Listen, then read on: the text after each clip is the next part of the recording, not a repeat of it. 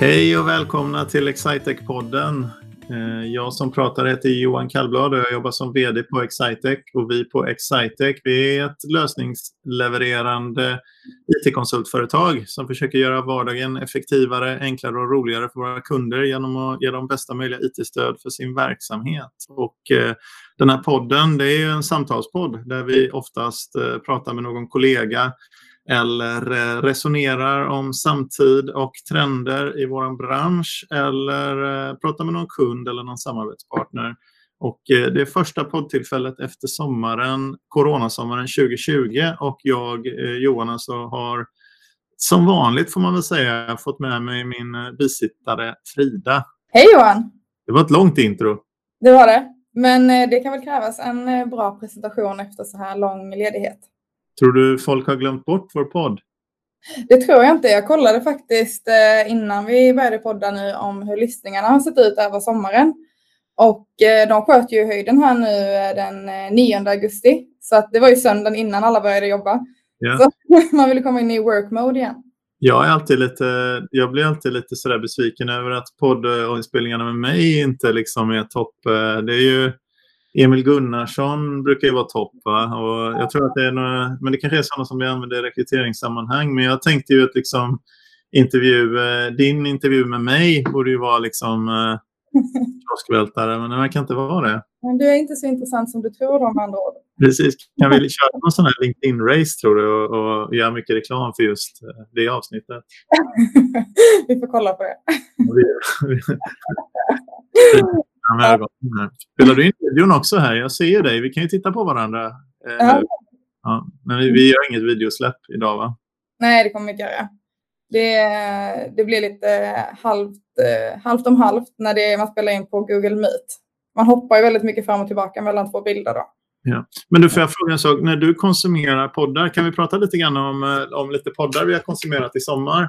Mm. Eh, men första som jag skulle vilja undra över, när du konsumerar podd, vi har ju pratat om det här förut och jag, då var det så att du konsumerar inte lika mycket podd som jag, som jag gjorde. Men eh, när du konsumerar podd, många pratar ju om att de spelar in, alltså de, och de som gör poddarna.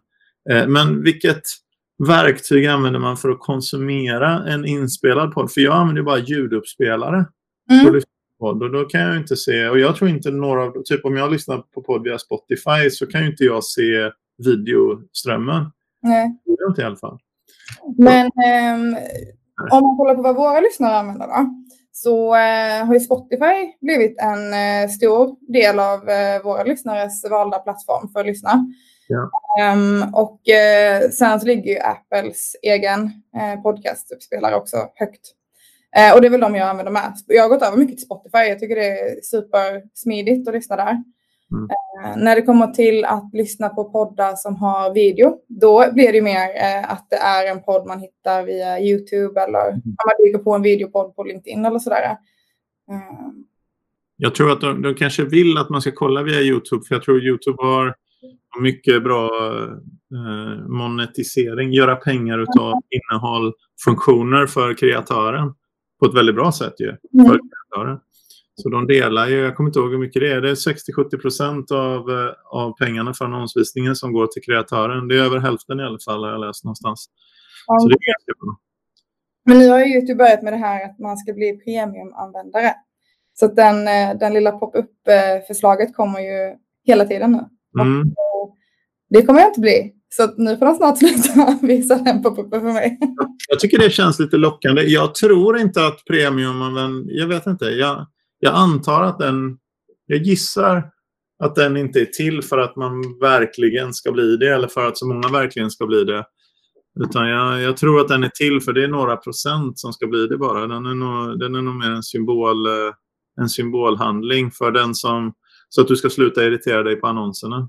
Du kan inte både tacka nej till att bli premium och vara irriterad på annonsen. Nej, men annonser har blivit mycket fler i samband med att de släppte den eh, tjänsten också, har jag upplevt. Eh, att det är färre annonser man kan klicka förbi och sådär. Ja, men det är, nog, det är nog en, eh, de vinner i båda ändar. De får bestämma ja. annonstid och eh, du kan inte bli irriterad eftersom det erbjuds ett val att slippa dem. Jag tror jag ska bli premiummedlem därför. Jag har så många prenumerationer på grejer som jag Alltså det där är inte, det är inte bra. Det värsta som jag hittade var ett gammalt gymkort för min, eh, det hittade jag nu i våras, ett gammalt gymkort som jag betalade för på simhallen för eh, min eh, son som flyttade, han flyttade hemifrån för ett och ett halvt år sedan. Ehm, så att, till en annan. Han bodde i Halmstad först och gjorde lumpen i ett år och sen flyttade han till Uppsala. Och under hela den tiden så har jag tydligen betalat hans gymkort i Linköping. Så ja. det var slarvigt. Det, det, var lite slarvigt faktiskt. Men, så ja. betalar 99 kronor eller vad det är för YouTube. Jag ska testa, vi gör det till nästa gång. Jag testar, jag går med i YouTube Premium och så säger jag hur min användarupplevelse är. Ja, men gör det. Jag, jag tycker att YouTubes annonsering är väldigt bra. Jag tycker ju eh, att jag ofta fastnar i annonserna. Eh, det är väldigt högt eh, värde i dem, måste jag säga. Så mm. att, jag tycker många annonsörer gör ett väldigt bra jobb med att skapa intressanta annonser som ja. man nästan kan tro är ett eget YouTube-klipp. Jag får så. oerhört mycket träningsredskap och mat. Eh, så jag vet inte om det vad det säger om mig. Träningsredskap och mattips.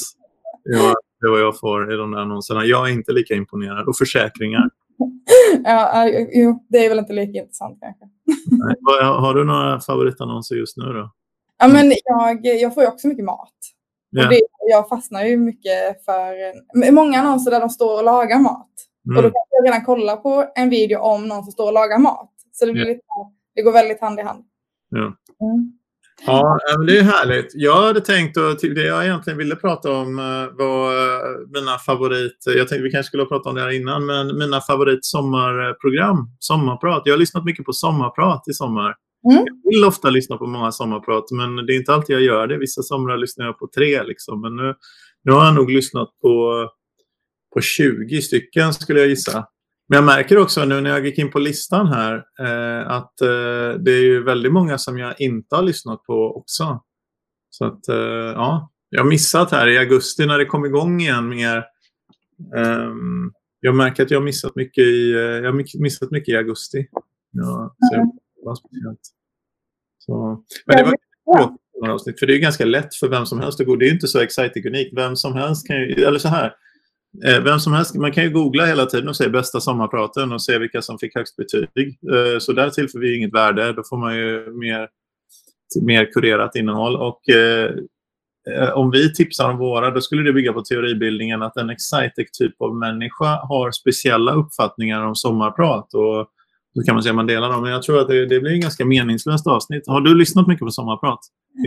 Jag har ju faktiskt den kontroversiella åsikten att jag inte är så förtjust i sommarpraten. Så, ja. ja. Nej, men det, jag, eh, jag, vet, jag har nog aldrig fastnat i det. Jag har lyssnat på ett sommarprat i, i år. Eh, nu kommer jag inte ihåg vad det hette. Det var han eh, som pratade om pengar. Eh, och, eh, mm. Ja.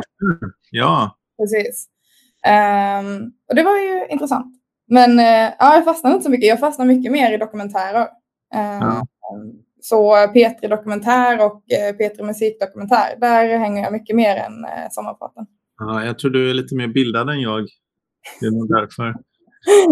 ja, vi, vi, vet väl inte det helt. Men ja, eh, vilka har du lyssnat på?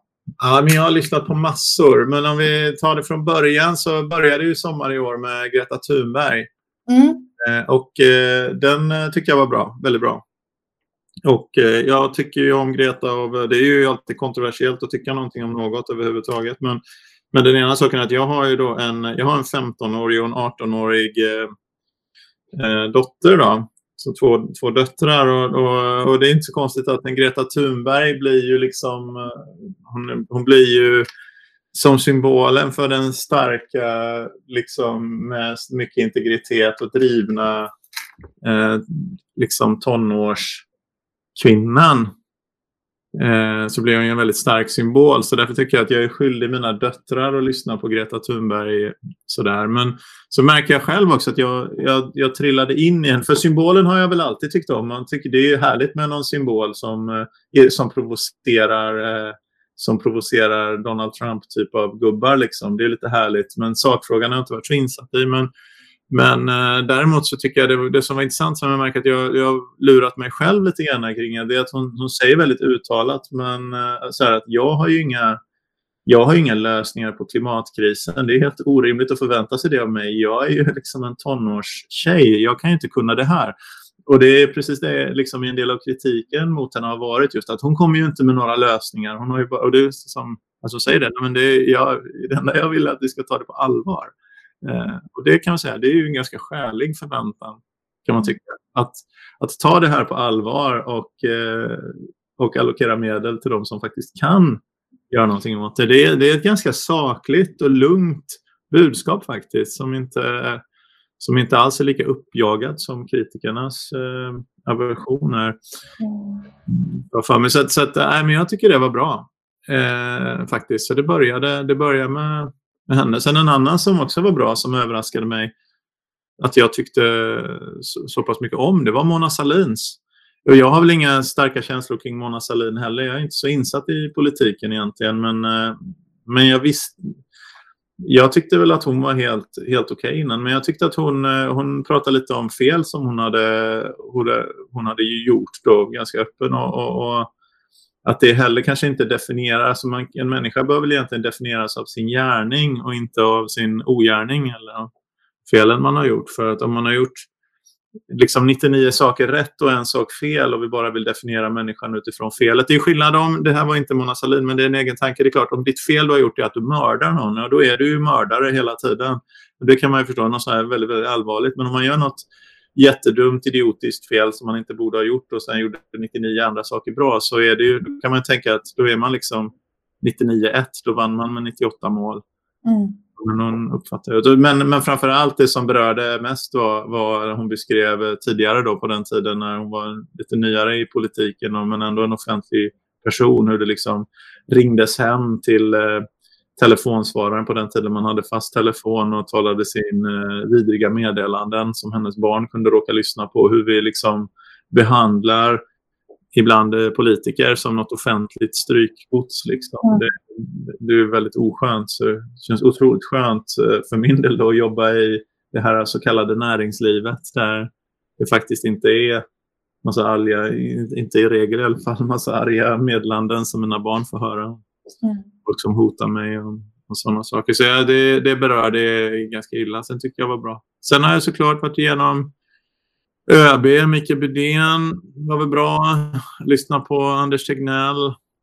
Jag brukar gilla att lyssna på Företagarna också, men det är ingen som riktigt har tänt till eh, för mig. Jag tycker Robin Söderling var väldigt intressant beskrivning. Han är ju gammal eh, tennisspelare som var rankad sådär femma, sexa i världen eh, som bäst. Men den pressen, eh, den där one-on-one-delen och vad det gör med en mentalt och, och så vidare, det, det som man har i tennisen, det är ju väldigt speciell sport alltså. Men extrem hur det kan vara tre, fyra personer som vinner nästan alla turneringar och har gjort det i 15 år eh, i rad. Alltså det, det är ju väldigt, väldigt speciellt.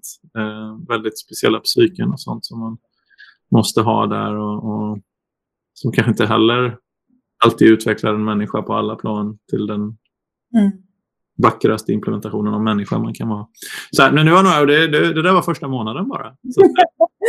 du tog dig igenom många? Ja, jag lyssnade på många. Och då kan du fråga så här, men varför, hur hittade du tiden att göra det Johan? Kan du fråga. Men hur hittade du tiden att göra detta då Johan? Men vad kul att du ville fråga det. att, eh, jag, har nämligen, eh, jag har nämligen tillbringat mycket tid på en segelbåt i sommar också. Och eh, då har jag lite andra andra tider än mina barn. Ju. Så att, eh, jag, får, eh, jag får lite tid för mig själv på segelbåten. Jag har även seglat en del ensamsegling i år faktiskt. Det, det har inte gjort så mycket innan. Men, eh, Var, är det västkusten eller Stockholms? Jag seglade runt en båt ifrån Göteborg så tekniskt sett så började det på västkusten. Men det är också, är det västkusten eller Stockholms skärgård? Jäkla göteborgare som inte har någon koll. Den vackraste skärgården i Sverige är eh, sträckan ner från, eh, från eh, utanför Nyköping ungefär. Tycker jag då, ner till strax norr om Oskarshamn mm. på um, ostkusten. Med börjar Stendörren uppe utanför Studsvik och sen ner hela vägen Oxelösunds skärgård, supervacker. Utanför Arkösund, jättefint. Gryts skärgård och sen utanför Västervik och Misterhults skärgård eh, norr om Oskarshamn. Det är otroligt vackra skärgårdar och inte speciellt överbefolkat och så vidare. Och anledningen till att det inte är överbefolkat är väl att de flesta tänker att man seglar i Stockholms skärgård eller på västkusten bara. Um, men eh, ja, det är ju väldigt fint på de andra ställena också. Men i, i antal fina platser i relation till hur många båtar eh, så är det nog faktor 10 till 1 ungefär. Det är 10 gånger fler fina platser per båt på ostkusten, påstår jag, än på, än på västkusten. För det är så många fler båtar, inte för att det inte är fina platser utan för att det är så väldigt många fler båtar. Ja, vad har du gjort i sommar? Jag har spenderat sommaren eh, i Småland och i Skåne. Eh, I, på land, eh, i en stuga med olika besökare. Så det har varit min sambos familj, det varit min familj, kompisar. Det har varit två stugor, för så vitt jag har förstått det med stugor som skiljer dem från båt så är att de är väldigt mycket låsta till en plats, va? Ja, det är så. I Skåne och i Småland så går det åt två stugor. vi har faktiskt haft tre stugor, men eh, det är så att det är min, eh, min farmor och farfar har ett gäng stugor precis på gränsen mellan Skåne och Småland. Det är 400 meter in i eh, Kronoberg. Så att eh, den här sommaren har varit väldigt speciell i och med att danskar, som är en väldigt stark turistnäring upp till de här stugorna då, får ju inte komma in i Småland. Det var ju Skåne som var öppet. Så ja. det var ju eh, 400 meter fel sida gränsen då. Eh, så det var ju en del stugor lediga där. Så att vi eh, var där i tre veckor och bytte lite stugor och ja, mm. olika boenden. Eh, så att det blev mycket aktiviteter runt i Småland och neråt i Skåne. Men det var i huvudsak på samma plats ändå? Då? Mm, det var det i huvudsak. Så det kanske, då hade du rätt och jag fel om det här med att vara i Småland och Skåne, för man kunde vandra över gränsen. Får jag säga, var det gränspoliser mellan Skåne och Småland? Det var det inte. Um, vi, det var lite kul för tydligen så har det varit det en gång, eh, en gång på 1900-talet någon gång, men då var det någon svinsjukdom.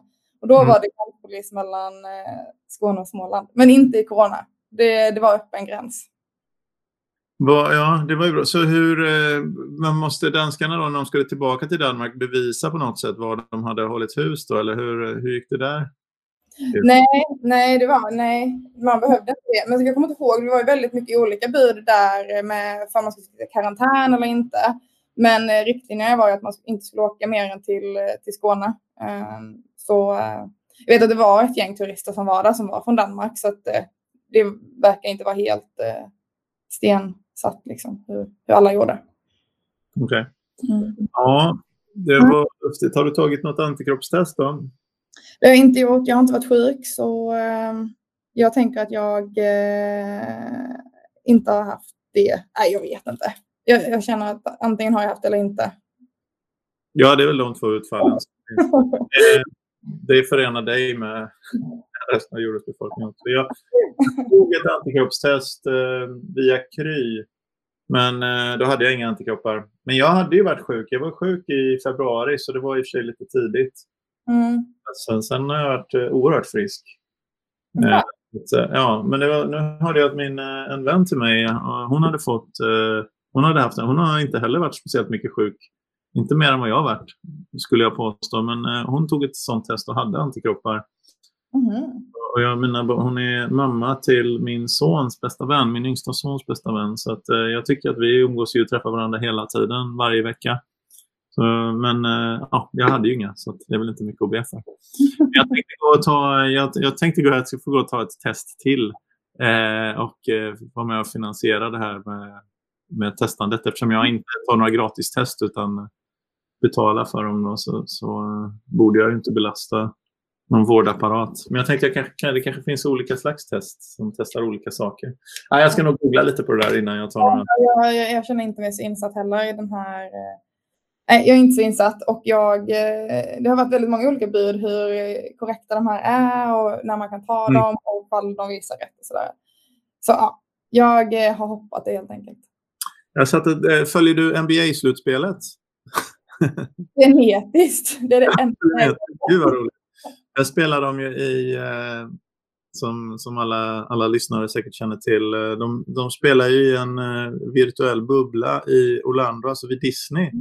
Orlando så spelade de eh, så spelade de alltså basketslutspel, eller de avslutade grundserien, 22 lagen då, avslutade grundserien och spela och så ska ingen komma in och ut och så spelar de där på några arenor i, i eh, Orlando. Det är lite enklare för man är ju inte så, man är ju bara typ 12 spelare i ett basketlag inklusive de tre som aldrig kommer av bänken och så är det väl en nio som, som spelar matcher. Det går inte åt riktigt lika många spelare som i en del andra sporter, sporter för trupperna är mindre. Men, men eh, jag satt och tittade på en match igår kväll lite grann och så det, det som är lustigt tycker jag var att eh, i, så de spelar ju de här och de har ju lättklädda och har linnen och svettas och är nära varandra och, och sådär spelarna. Men det är väl lugnt för de är ju testade och sådär. Men, men eh, när de har reportrarna som ska intervjua och sådär i halvtid, då står de alltså i eh, så fem meter ifrån varandra, någon som intervjuar någon annan, med ansiktsmask på och ställer frågor. Men det måste ju vara en symbol.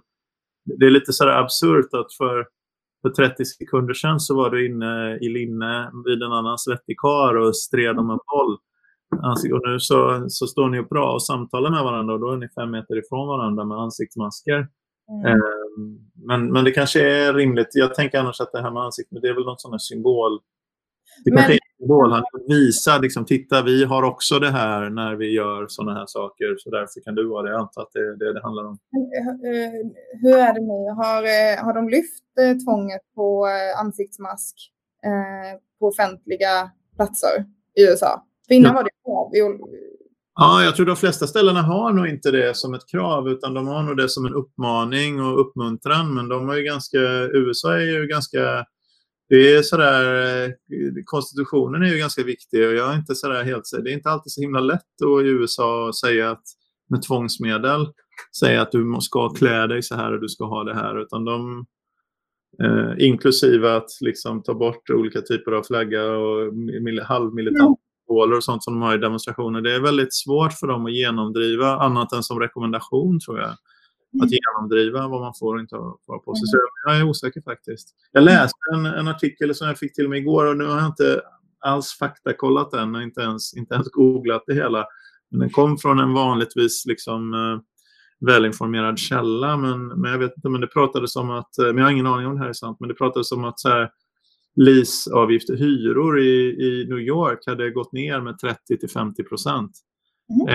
Eh, för att eh, man vill inte vara i New York, eller det finns ingen anledning att vara i New York. Speciellt om man, eh, om man, om man tänker sig att man ändå kommer vänja sig vid ett mer digitalt arbetssätt och köra allt via Zoom och sådär. För det är ju ganska mycket, ganska stor hassle. Det är höga skatter mm. i New York, sådär 15-18 procent ovanpå stadsskatten. Så det är relativt höga skatter, höga skatter i staden.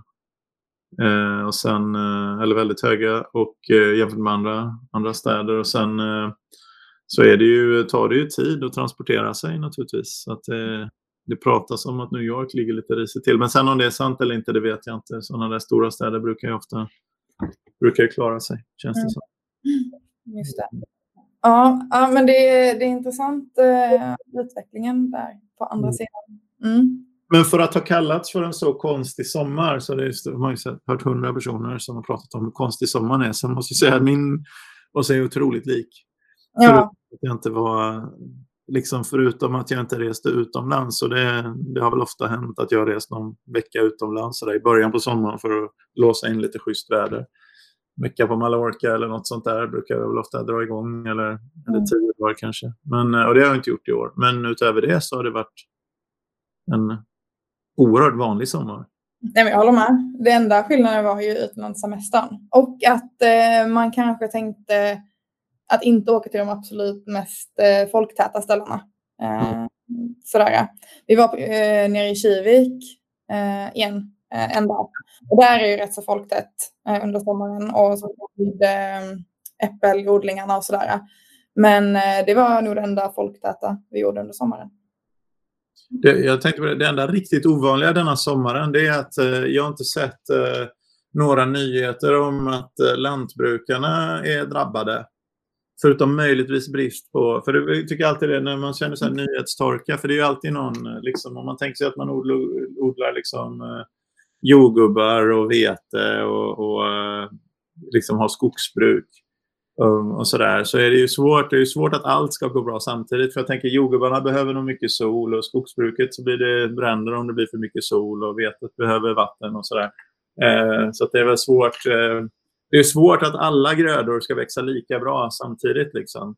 Eh, och därför blir det alltid, det går alltid att hitta någon, liksom, någon drabbad potatisodlare som har svårt att få ihop det. Även den sommaren då vädret upplevs som fantastiskt. Liksom. Eh, för då har det kanske varit för torrt. Mm. Eller, eller något sånt. Då? Men det, det, finns, det går alltid... Nu var ju det för två år sedan när det var så oerhört varmt. Och då var det nog verkligen mycket problem i lantbruket. Men i, i huvudsak, det går ju alltid att hitta någon gröda som inte växer riktigt lika bra som de andra grödorna i den, den liksom, för stunden gällande väderförutsättningarna. Och då brukar det alltid bli ny, liksom, första sidesnyhet i Aftonbladet Expressen på löpen. Då. Mm. Eh, det är väl så att det har alltid funnits något där. Med coronagrejen så kan man alltid hitta någon, liksom, eh, liksom, nu var en nyfödd bebis smittad eller nu har de fått något i Australien. Alltså, det har alltid funnits en go-to-nyhet eh, som, som inte har varit eh, missväxt för potatisodlare. Mm. Så det, det, är väl det som är... Så lantbrukarna har inte riktigt nått fram. De har inte fått stå i rampljuset denna sommaren? Nej, jag har inte hört någonting om det. Det var väl lite bär, lite att man inte skulle kunna få in bärplockare på om det var reserestriktioner. Ja, just det. Det. Men det känner jag inte att jag blivit så påverkad av. Va? Det är ingenting jag känner i min vardag. Ingen aning. Eh, jag känner inte det i min vardag heller. Det känns ju som det finns gott om bär mm. Eh, att tillgå. Men vi kanske inte riktigt heller vet. De, bären kanske är... Jag vet, de kanske liksom ska... De bären som borde bli sylt i eh, december, det kanske är de som... Vi kommer kanske ha syltbrist under... Så kan det ju vara. Så kan det vara. Eh, och eh, det hade ju varit jobbigt med syltbrist. ja, det, det är helt nytt. Det blir, det blir nytt. Men jag hoppas, det vore ändå härligt, men vi kan ju spana på det. Vore inte det lite härligt när vi ser löpet? När du ser någon eh, drabbad lantbrukare på löpsedeln, då vet du att, eh, att du har corona tappat i nyhetsvärde. Ja, precis. Och vi kan säga att vi var först med att rapportera om eh, syltbristen som kommer. Ja, exakt. du, jag la ut, såg du att jag la ut på LinkedIn i, i Eh, eh en liten eh, sån här eh, invite till, eh, jag vet inte om vi ska göra det här idag, så är det att jag, jag gjorde en liten, liten film här. och så skrev jag att i slutet på filmen, den var bara en minut och 20 sekunder, så, så sa jag att man skulle kunna få bli gäst i vår podd. Ja. om man gjorde en kommentar. Jag försökte bara liva upp lite grann. Men, och det kom ju ganska många kommentarer direkt. Jag fick även några sådana här DM direkt messages. Men det var ju inte, regeln var att du skulle, ingen sån här som fegar och skickar ett mail och säger jag är gärna med på podden. Det räknas ju inte. Utan det är de som är, eh, de som är starka nog att, eh, eller öppna nog och säga jo, jag vill vara med och göra det officiellt. Det var väl regelverket. Så vi har nu en, två, tre, fyra, fem, sex, sju stycken eh, personer som har sagt att jag skulle vilja vara med på podden.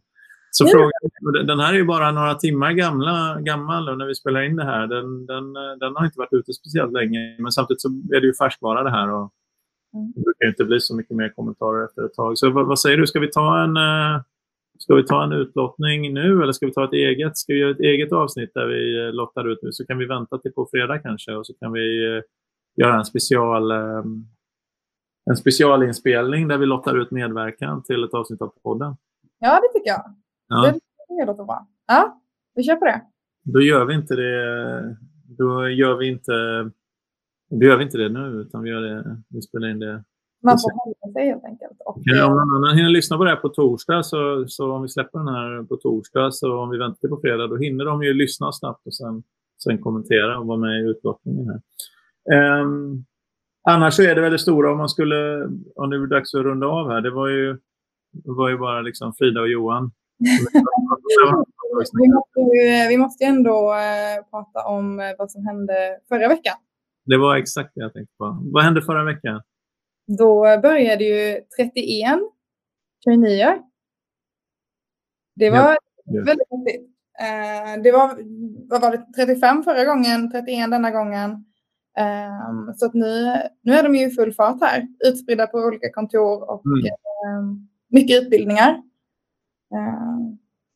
Vi tyckte ju att vi var lite försiktiga, men egentligen så är det så här 31, ja, egentligen borde de ju varit 25 förra året. Eh, anledningen till att vi tog in 35, vi har egentligen sajsat det där så vi sagt så här många traineer ska vi ha i relation till hur många anställda vi hade. Men det var det att för, förra året så hade vi, då var det svårt att få tag i personal så vi misslyckades lite med övrig rekrytering för två år sedan och hade lite personalomsättning och så. Så vi tyckte vi var tvungna förra året att skala upp vårt traineeprogram relativt totala storleken och då blev det 35.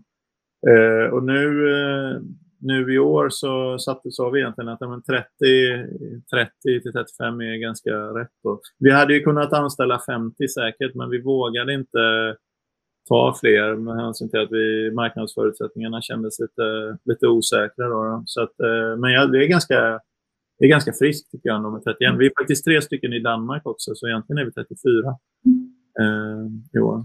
Så det är, det är spännande. Vi kör det på tre, på tre hubb, runt tre hubbar nu. Så de, du ser väl dem eh, lite mer ute i Göteborg också va? Ja, absolut. Det är ett helt gäng här idag. Ja, för vi, kör, vi ska köra i tre, i tre hubbar då, där Linköping-Karlstad utgör en hubb eh, och eh, Uppsala-Stockholm är en hubb. Och, och Göteborg, Malmö, Helsingborg eh, eh, blir en hubb. Då. Det är orter som vi har traineer på. Så att, så att vi kan minska resorna lite grann och sen hålla ihop det lite så att inte alla träffar alla hela tiden. Då. Så, så är tanken. Men det är superspännande. Sen vad gjorde vi på fredagen då? Ska vi berätta det? Outa det för världen.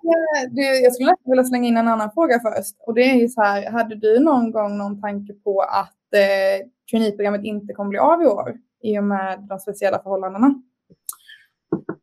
Eh, de speciella förhållandena? Gud vad jag är trött på det, på det uttrycket. Är det inte omständigheter som brukar använda? De sa det idag. Jag lämnar min eh, yngste son, han börjar ettan idag. Och så sa de, ja på grund av omständigheter så gör vi punkt, punkt, punkt. Men på grund av omständigheter. Ja, det, det, det uttrycket som man får överallt är rådande omständigheter. Så jag... Rådande omständigheter. Vet du vad? Det som vi utifrån traineeprogramsperspektivet, det är en ganska långsiktig satsning. Va? Så att vi tar in eh, traineer och anställer människor för att de ska finnas hos oss i ganska många år. Och eh, vi jobbar ju med eh, liksom, digitalisering av affärsprocesser och effektivisering genom att ge bästa möjliga IT-stöd till till våra kunder och sånt. Och det, det, är ju ingen, det är ju ingen arbetsområde som ändras så värst vidare mycket på grund av att omständigheter då föreligger ett halvår eller ett år eller, eller hur det är. Utan det långsiktiga behovet av, av det som vi gör är ju, det är ju mycket, går ju mycket längre liksom än, än eh, tre eller sex eller tolv månader. Va? Så att, så att ehm, Eh, egentligen så nej, vi, vi tycker så här och det utexamineras ju lika. De, de som går ut tekniska högskolorna och civilekonomer och så där i år och är intresserade av IT och sånt där, de är ju lika, de är lika välutbildade och lika begåvade och ansträngt sig lika mycket som de som gick ut ett år och två år och tre år tidigare. Så det är ingen skillnad på materialet vi kan rekrytera ifrån. Så eftersom vi vet att vi långsiktigt håller på med någonting som är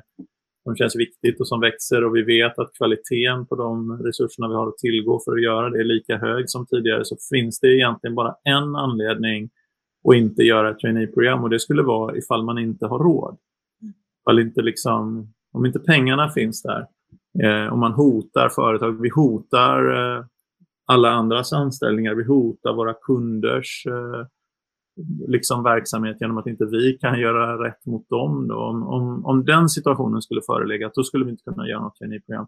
Men eh, vi var ganska, när det stabiliserade sig lite här under, under april och maj med kundefterfrågan och man hittade nya arbetssätt och så, så, så var vi ganska långt ifrån den gränsen. Vi såg inte alls att det förelåg någon risk för vår verksamhet och då tyckte vi att då väljer vi att vara långsiktiga. Sen är det ju Sen kan man ju välja att optimera liksom, ska man optimera ett kvartalsresultat, då ska man väl inte köra några traineeprogram. Men det skulle man inte gjort förra eller förra, förra eller förra, förra, förra året heller. Liksom. Så att, så att eh, vi rullar inte riktigt så, utan vi kör lite mer långsiktigt. Så nej, den frågan har egentligen aldrig varit uppe. Vi har noterat däremot att flera andra av våra, av våra branschkollegor inte har hållit sina commitments mot sina traineeprogram. Och det, men det får stå för dem. Liksom. Jag, jag tycker att de gör fel då och att det är kortsiktigt agerande. Men, men eh, ibland om jag pratar om konkurrenter och sådär, så om de vill göra fel och jobba kortsiktigt så är det väl upp till dem. Jag har inga speciella tankar kring det.